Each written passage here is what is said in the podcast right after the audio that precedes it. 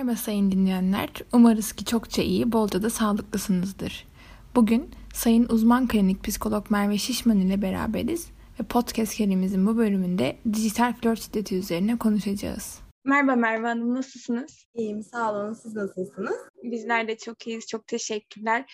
Şiddet dendiğinde aklımıza sadece aslında fiziksel şiddet geliyor. Ancak fiziksel şiddet, şiddet türlerinden sadece bir tanesi bize şiddetin türlerini açıklayabilir misiniz? Tabii. Öncelikle e, şiddet türlerine girmeden önce isterseniz biraz daha şiddet nedir, nasıl tanımlanıyor biraz bunlara yer verelim. Dünya Sağlık Örgütü'nün 2012'de yapmış olduğu tanıma göre romantik ilişki içerisinde olan bireylerin deneyimlediği fiziksel, psikolojik e, veya cinsel olarak zarara sebep olan herhangi bir davranış şiddet olarak tanımlanıyor. Şöyle bir diğer tanımına bakacak olursak sevgilinizin, romantik ilişkide bulunduğunuz partnerinizin veya bazen e, bitmiş olsa da devam edebiliyor. Fiziksel, cinsel, psikolojik, sosyal ve dijital şiddet uygulamasını söylüyoruz. Bitmiş ya da sürmekte olan heteroseksüel veya homoseksüel ilişkilerde karşımıza çıkıyor. Şiddet türlerine gelecek olursak da ilk olarak fiziksel şiddetten biraz daha bahsedelim isterseniz. Fiziksel şiddet bedene kasıtlı olarak zarar verme girişimi. Neler örnek olarak verilebilir? Tokat atmak, tekme atmak, ısırmak, silahla vurmak, boğmak, Bunlar fiziksel şiddet türlerine örnek olarak verilebilir. Psikolojik flör şiddeti ise korku uyandıracak, kişinin kendisine olan güvenine zarar verecek ve kendisine olan saygısını da zedeleyecek davranışlardaki girişim olarak özetleyebiliriz. Örnek olarak her insanın fiziksel ihtiyaçlarının yanı sıra bazı duygusal ihtiyaçları da var. Bunların temin edilmemesi, isteklerinin yapılması için manipülasyon yapması, duygu sömürüsü, suçlu hissettirme, işte alay etmek, dalga geçmek, küsmek, utandırmak denilebilir. Kıskanmak, hakaret etmek. Bunlar psikolojik flör şiddetine örneklerimiz. Sosyal flör şiddetine gelecek olursak da sosyal ilişkilerin kısıtlanması. Kişinin aile bireyleriyle, çevresinde bulunan kişilerle, arkadaşlarıyla, akranlarıyla görüşmelerinin kısıtlanması, kontrol etmesi. Biraz daha yalnızlaştırmak diyebiliriz aslında. Evet. Arkadaşlarını kontrol etmek, karşı veya aynı cinsten kişilerle konuşmanın yasaklanması. Arkadaşlarınıza mesela zaman ayırdığınızda bazı partnerler küsebiliyorlar. 7-24 sizin onun yanında olmanızı istiyorlar. Bu aslında bir sosyal flör şiddeti. Dijital flör şiddetine gelecek olursak da teknolojik araçları kontrol etmek amaçlı kullanması. Dijital flör şiddeti. Sosyal medya hesaplarının e, şifresini istemesi, sosyal medyadaki arkadaşlarına karışması, fotoğraf, video göndermeni istemesi sürekli, ısrarlı bir şekilde. Telefon, bilgisayar, iPad tablet, yani daha kişisel araçların aslında karıştırılması izin olmadan veya zorla bir onay inşa ederek karıştırılması. Evet. Sürekli mesaj atması, konum istemesi. Mesela günümüzde artık bu çok fazla yaygın. Canlı konum. Özel uygulamalar da geliştiriliyor. Hani Bilmiyorum daha önce denk geldiniz mi ama birçok tane böyle uygulama var aslında. Son olarak da flör şiddeti türlerimizden cinsel flör şiddeti var. Tecavüz etmek, istemediği pozisyonlara zorlamak, hayırı kabul etmemek, başka kişilerle birlikteliğe zorlamak, cinselliği kendi istekleri, kendi zevkine yönelik inşa etmek ve cinselliği bazen ödül ve ceza olarak da kullanmak. Bugün yanıma yaklaşmayacaksın. Çünkü cezalısın. Bana iyi davrandın işte istediklerin olacak gibi. İstemediği takdirde cinsel organlarına dokunmak da cinsel şiddet örneklerinden birisi. Evet. Çok teşekkürler. Bizim aslında bugünkü asıl konumuz dijital flört şiddeti. Biraz sonra ondan daha detaylı bahsedeceğiz fakat ona gelmeden önce bu saydığınız şiddet türlerinden aslında biz de belki ama toplumda genel bakış açısı olarak fiziksel şiddeti anlıyoruz. Bu anlayışımızın altında şiddet gördüğümüzü kanıtlamamız gerek gibi bir inanca sahip olduğumuz yatıyor olabilir mi sizce? Yani şiddet gördüğümüzü sadece belirtmemiz yeterli değil mi artık? Keşke yeterli olsa. Aslında yeterli. Bana şiddet gösterildi. Şikayetçiyim veya bu durumdan memnun değilim demek yeterli olmalı kesinlikle. Umudumuz bu yönde. Ama evet. e, biraz daha toplumsal olarak öğrendiğimiz bir şey var ki maalesef.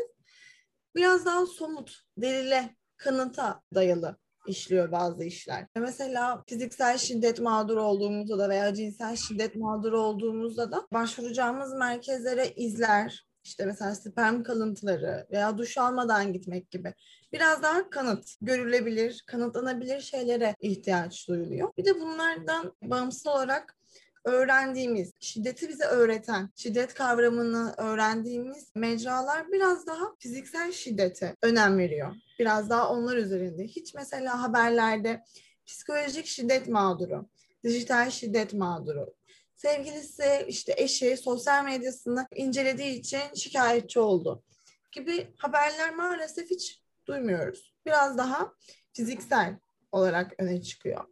Dizilerde mesela kıskançlık dediğimizde bu inanılmaz bir sevgi gösterisi olarak bizlere lanse ediliyor. Ama bir fiziksel şiddet varsa mesela ayaklanıyor halk. Şarkılarda da aynı şekilde oluyor. Yani aslında belirtmemiz yeterli dediğim gibi ama biraz daha öğrendiğimiz şekil fiziksel şiddetin tanımı. Biraz daha bilinçlenmeye de başlanıyor. Evet toplum bilinçleniyor ama hani keşke mağdurun beyanı esas olsa ve hani bunları bu kadar e, sonuna kadar ispatlamamız gerekmez. Yani ispat çok önemli evet ama bir noktada da mağdurun hani ona inanmamız gerekiyor. Çünkü bir başka mağduriyeti yaratıyor bir de kendini ispatlamaya çalışırken. Bir de şöyle bir şey de eklemek istiyordum çok özür dilerim. Bazı yapılan araştırmalar da var bununla ilgili.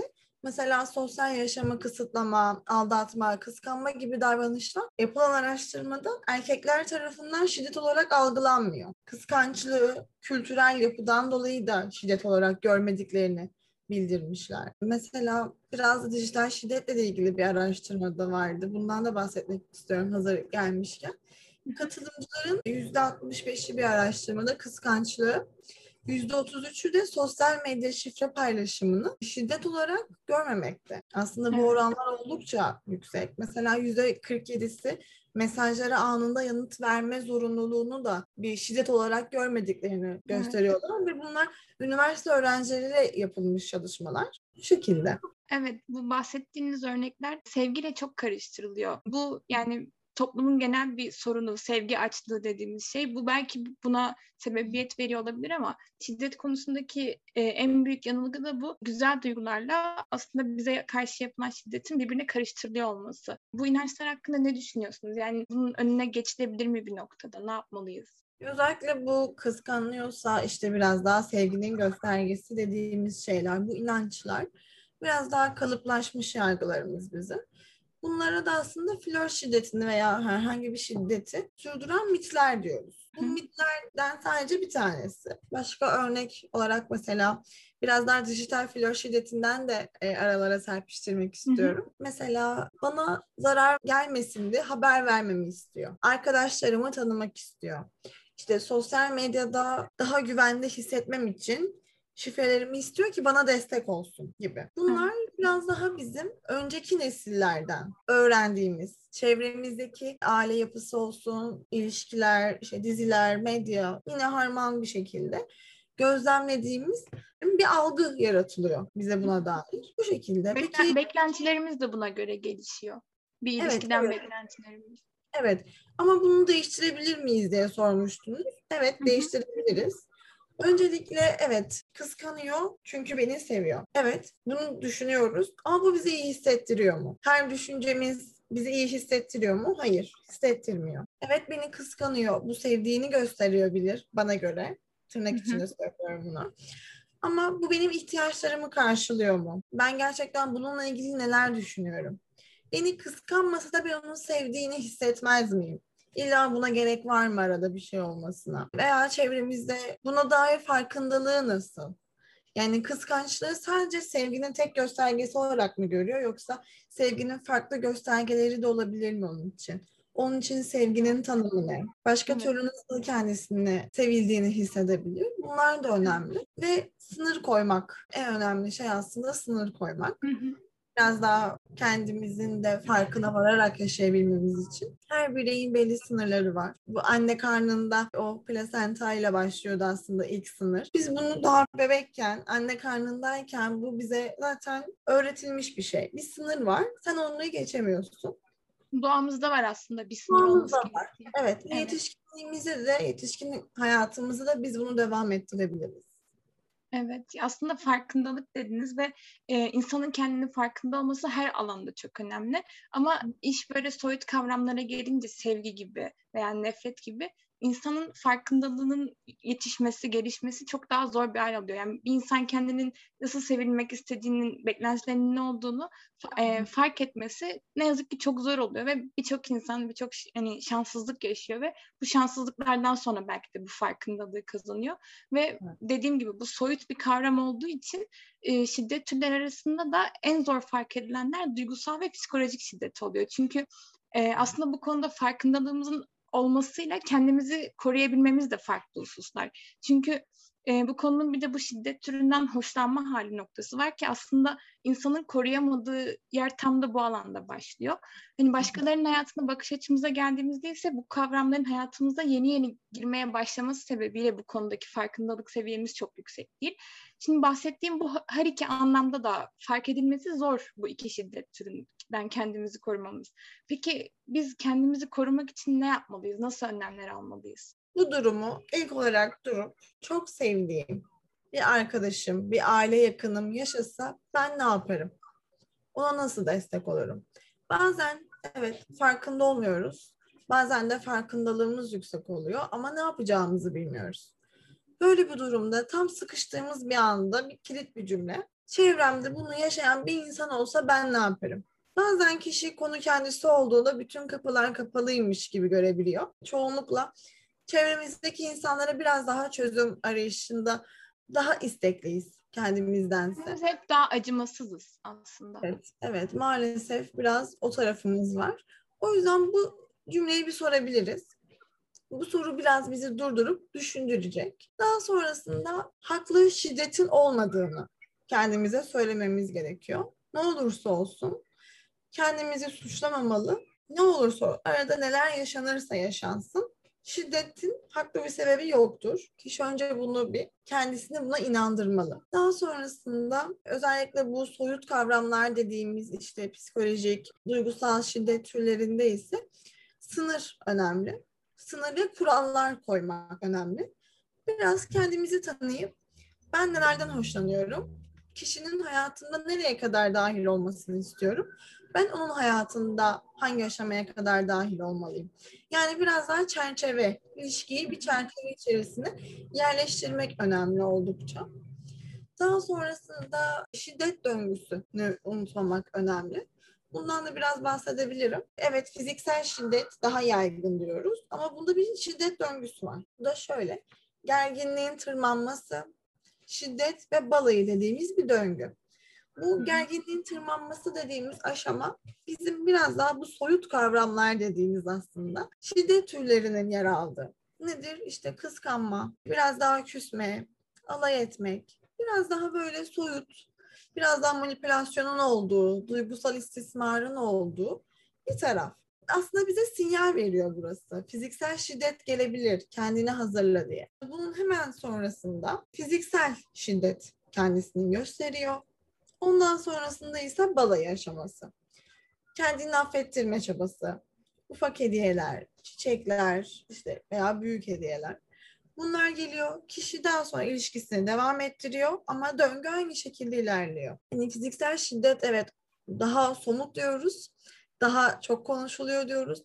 Ama şiddet türleri arasındaki geçiş oldukça yaygın. O yüzden bu soyut dediğimiz şiddet türlerinde e, unutmamak gerek. Evrilmesi çok rahat yani. Evet evet kesinlikle. Başka e, belki biraz daha bilgilendirmek de burada önemli olabilir. Kadın örgütlerine başvurulabilir. Hani sadece fiziksel şiddet değil, soyut dediğimiz bu psikolojik, işte duygusal, sosyal şiddet türlerinde de kadın örgütlerine başvurulabilir. Polis, jandarma, e, 183 sosyal destek hattı aranabilir. Şönim yani e, şiddet önleme ve izleme merkezleri aranabilir. Baroya, Cumhuriyet Başsavcılığına, kaymakamlığa her ilçede yer alıyorlar. Onlara başvurulabilir. Ve hem haklarımızı öğrenmek için hem neler yapabiliriz biraz daha hızlı bilgi alabilmek için de bunlara başvurulabilir. Şimdi bu ana kadar aslında bahsettiğim şiddet türleri daha çok günlük hayatta karşılaşabildiğimiz şiddet türleri. Yani günlük hayatta dediğim gerçek hayatta, dışarıda vesaire. Bir de günümüzün artık çok dijitalleşmesiyle karşımıza çıkan bir dijital flört şiddeti kavramı var. Şimdi flört şiddetine maruz kalmak teknolojinin giderek hayatımızın merkezine yerleşmesiyle yüz yüze iletişim boyutunun ötesinde bir hal aldı artık. Ve flört şiddeti mağdurları da maalesef giderek artıyor. Çokça sevdiğimiz insan aslında farkında olarak veya olmayarak şiddete maruz kalıyor ve eğer şansları var ise birileri bunu fark edip yardım ediyor ya da durumun içinden çıkmaz bir hale bürünüyorlar. Peki flört şiddetleri şiddeti mağdurlarına karşı çevresindekilerin nasıl davranması gerekir?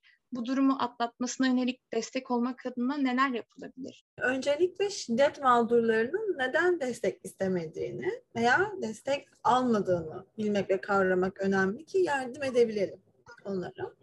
Bu sebepler şunlar olabilir. Suçlanacaklarını düşünebilirler. Kendilerine inanılmayacağını düşünebilirler. Şiddet için kendilerini ana sebep görebilirler. Biraz daha yaş dilimi işte 16 yaş, 15 yaştan başladığı için ailelerinin sosyal hayatlarına kısıtlama getirebileceklerini düşünebiliyorlar. Etiket koyulmasından korkabilirler.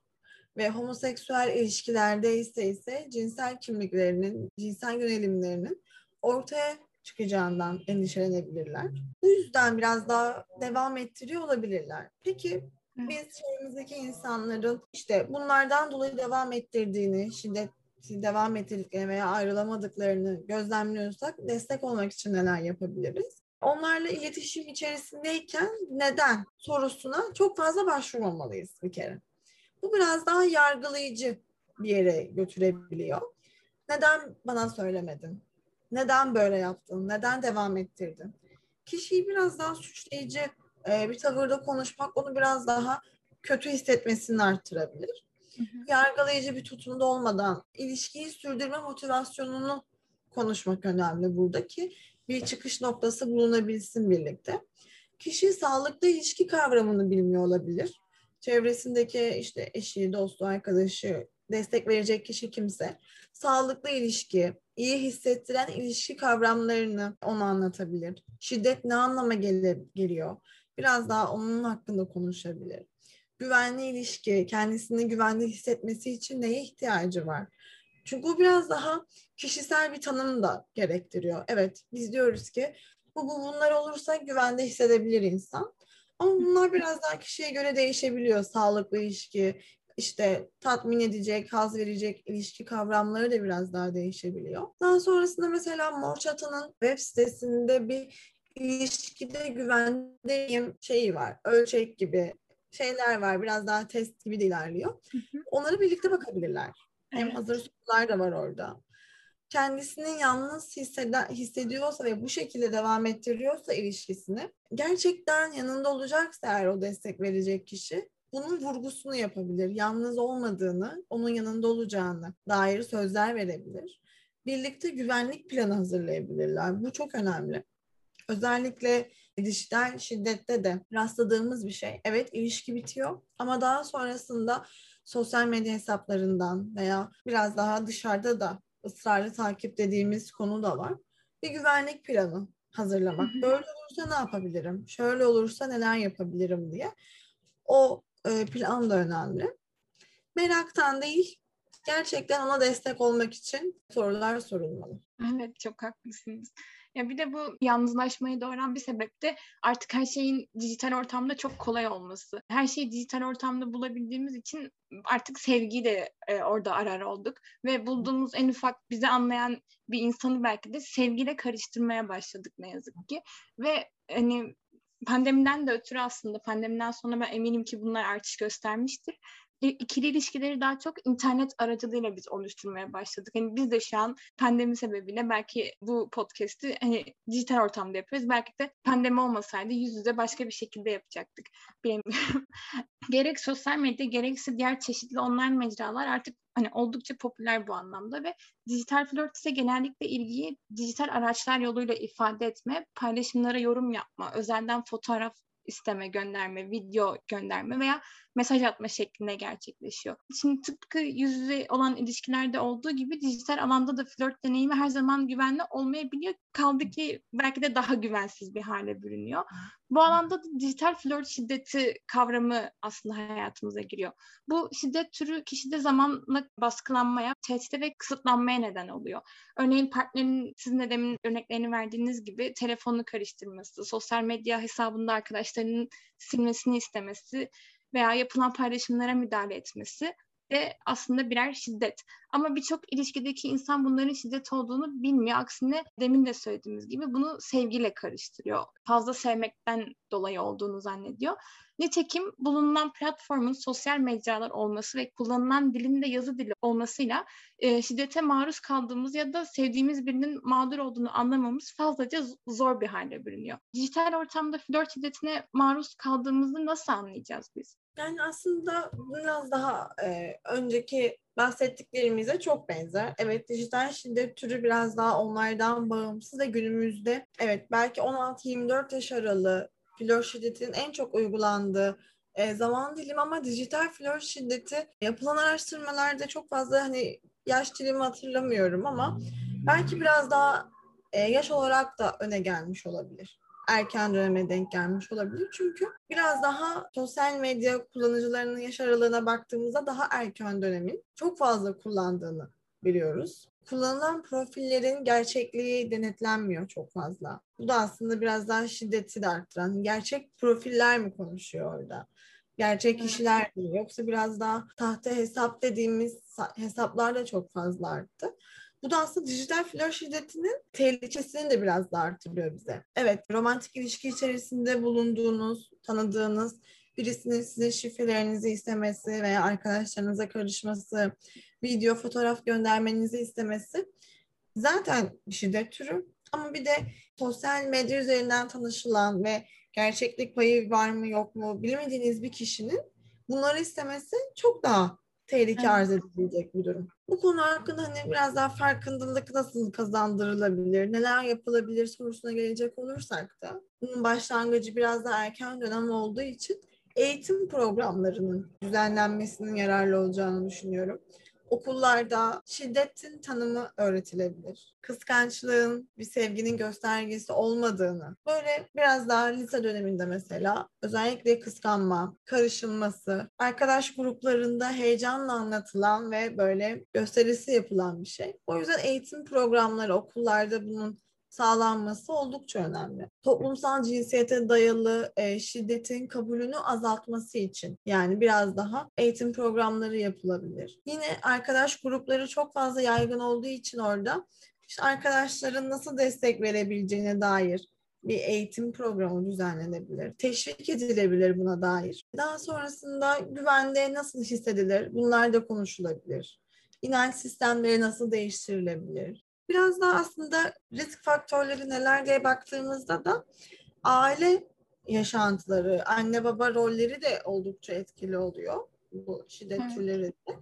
O yüzden belki ailelere yönelik de eğitim programları sağlanabilir. Çünkü normalleştirdiğimiz şey aslında biraz da aile içerisinde gözlemlediğimiz davranışlarda oluyor.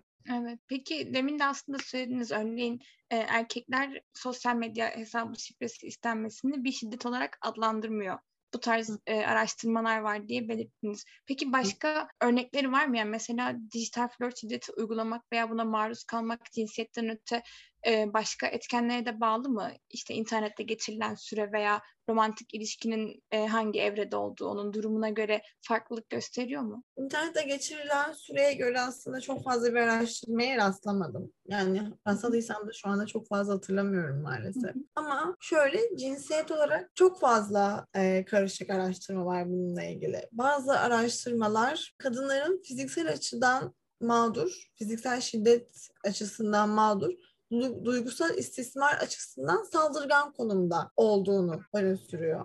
Bazı araştırmalar ise erkeklerin kadınlara kıyasla dijital flört istismarına daha fazla uğradığını gösteriyor. Ama bazı araştırmalarda tam aksine erkeklerin daha fazla şiddet uygulayıcısı olduğunu da gösteriyor. Yani araştırmalarda aslında biraz daha detaylı incelenmesi gereken şeylerin olduğunu da bize gösteriyor. Hedef grup da önemli. Kesinlikle. Bu söylediğim şeyler biraz daha üniversite öğrencileriyle yapılmış çalışmalar. Daha sonrasında mesela yurt dışına yapılmış bir araştırmada katılımcıların yine üniversite öğrencileri %25'in dijital şiddet mağduru. %25'in sadece %9'u destek aramış. Yani aslında hmm. bu oran oldukça düşük. Yine biraz evet. daha normalleştirilmiş. Bu %25 dijital şiddete maruz kalan kişilerin 84'ü psikolojik şiddet, 52'si fiziksel şiddet, 33'ü ise cinsel şiddete mağdur olmuş. Cinsiyete yönelik şöyle var, biraz daha yönelimle alakalı var. LGBTİ bireylerin heteroseksüel bireylere göre daha çok şiddet mağduru olduğu birçok araştırma tarafından kanıtlanmış. Bu verdiğiniz örneklerde aslında bir de insanları bu şekilde kategorilerinin de ötesinde aslında bir de yaş grubu olarak var. Çünkü 18 yaş altı grup çocukların flört ilişkilerinde dijital flört şiddet vakalarında çocuklar bunu çok şiddet türü olarak görmüyorlar ya da bunun farkında olmuyorlar, bilmiyorlar ve şiddetle başa çıkabilmek adına küçük yaşlardan itibaren toplumda bir bilincin yaratılması gerekiyor. Aslında hani hep diyoruz hani eğitimin çok önemli oldu ama bu yapılamıyorsa ne yapılmalı? Yani çünkü olmuyor hani eğitim yapılmalı yapılmalı diyoruz ama hiçbir alanda artık bir adım öteye gidemiyoruz. Biz kendimiz bireysel olarak artık ne yapabiliriz bunun için? çevremizde şiddet mağduru birisi gördüğümüzde biraz önce konuştuğumuz şekilde ona yaklaşabiliriz. Biraz daha insanları bilinçlendirmeye yönelik şeyler yapabiliriz. Evet, eğitim programları yapılmalı diyoruz ama bu hep bilinen bir şeydi. Evet belki soyut dediğimiz şeyler bilinmiyordu ama fiziksel şiddet yıllardır bizimle yer alıyor ve gittikçe artıyor da maalesef. Belki aile yapısıyla ilgili yani engellenmesiyle alakalı çalışmalar yapılabilir. Ebeveynlerin birbirlerine yaklaşımlarıyla ilgili çalışmalar yapılabilir. Bizler ileride ebeveyn olacağız. Neleri engelleyebiliriz? Bunlarla ilgili çalışmalar yapılabilir. Araştırmalara bakılabilir. Sağlıklı evet. bir ilişkiye teşvik edilebilir. Evet. Ben hep şeyi savunuyorum. Keşke böyle bir idea olsa ve insanlar onlara ebeveyn olabilme yetisi, ehliyeti verilse keşke. Çünkü hani hiçbir şey bilmeden bir hayatı yaşıyoruz. Bir de bu hayatın içinde bir insana hayat vermeye çalışıyoruz ama aslında kendi yolumuzu nasıl çizmemizi bilmeden başka bir insanın yolunu çizmesine yardımcı olamıyoruz yani bu noktada. O yüzden keşke aileler birazcık daha bilinçli olsa bu konuda. Bir de şu ana kadar bahsettiğimiz konular evet hepsi çok önemli ve daha kötü yerlere gidebilecek potansiyelde şiddet türleri ama bir de bunun hep delil delil diyoruz. İnsanların eline delil verdiğimiz noktası da oluyor. Sosyal medyadan, dijital ortamdan insanların birbirlerine çıplak fotoğraflar veya cinsel içerikli mesajlar veya videolar göndermesi gibi. E, bu aslında diğer psikolojik veya fiziksel şiddetlerin ötesinde daha farklı bir psikolojiye insanı büründürüyor. Bu tarz bir insan gördüğümüzde yahut biz o durumun içine geldiğimizde ne yapmalıyız? Bir insana nasıl yaklaşmalıyız veya kendimize nasıl yaklaşmalıyız o noktada? Haklarından bahsedilebilir. Başvurabileceği merkezlerden bahsedilebilir. Kendimize yani evet böyle bir şey oluyor. Böyle bir merkezler var. Ama kaçı arayacağım? Ne, ne diyeceğim? Ne, nasıl anlatacağım? Bunları bilmiyoruz. Belki biraz daha bunlar araştırılabilir. Evet, e, mesela mor çatıya başvurabilirim. Ama prosedür nasıl ilerliyor? Neler yapmam gerekiyor? Belki götürmem gereken belgeler var. Belki aramam gereken farklı bir numara var. Yani böyle bir dediğimiz gibi plan hazırlamamız gerekebiliyor. Hukuki süreçlere bakabiliriz. Mesela burada barodan destek alabiliriz. Hangi durumda başlatmalıyız süreci? Biraz beklemeli miyiz? Yoksa hemen olay anından sonra mı başvurmamız gerekiyor? Kaymakamlığa mı ilk başvurmamız daha kıymetli yoksa emniyete mi daha kıymetli? Kendimizi hangisine daha güvende hissedeceğiz aslında? Bu biraz daha önemli. Destek olarak yalnız olmadığını hissettirmek, çevremizdeki birisi varsa da bu şekilde. Çok teşekkürler. Aslında insanın kendine ve başkasına güvenemediği kadar aslında insan bulunduğu topluma da çok güvenemiyor. Çünkü nereye gideceğini, ne yapacağını bilemiyor. Kendini ispatlama çabasına girmesi gerektiğini bildiği için kendi haklarını aramaktan da bir noktada vazgeçiyor aslında. Bu hakları bilse dahi ne yazık ki. Biz çok teşekkür ederiz bize vakit ayırdığınız için. Podcast'imizin sonuna geldik. Eklemek istediğiniz başka bir şey var mı? Teşekkür ederim beni davet ettiğiniz için. Benim için çok hoş bir sohbetti. Teşekkür ederim. Teşekkür ederim.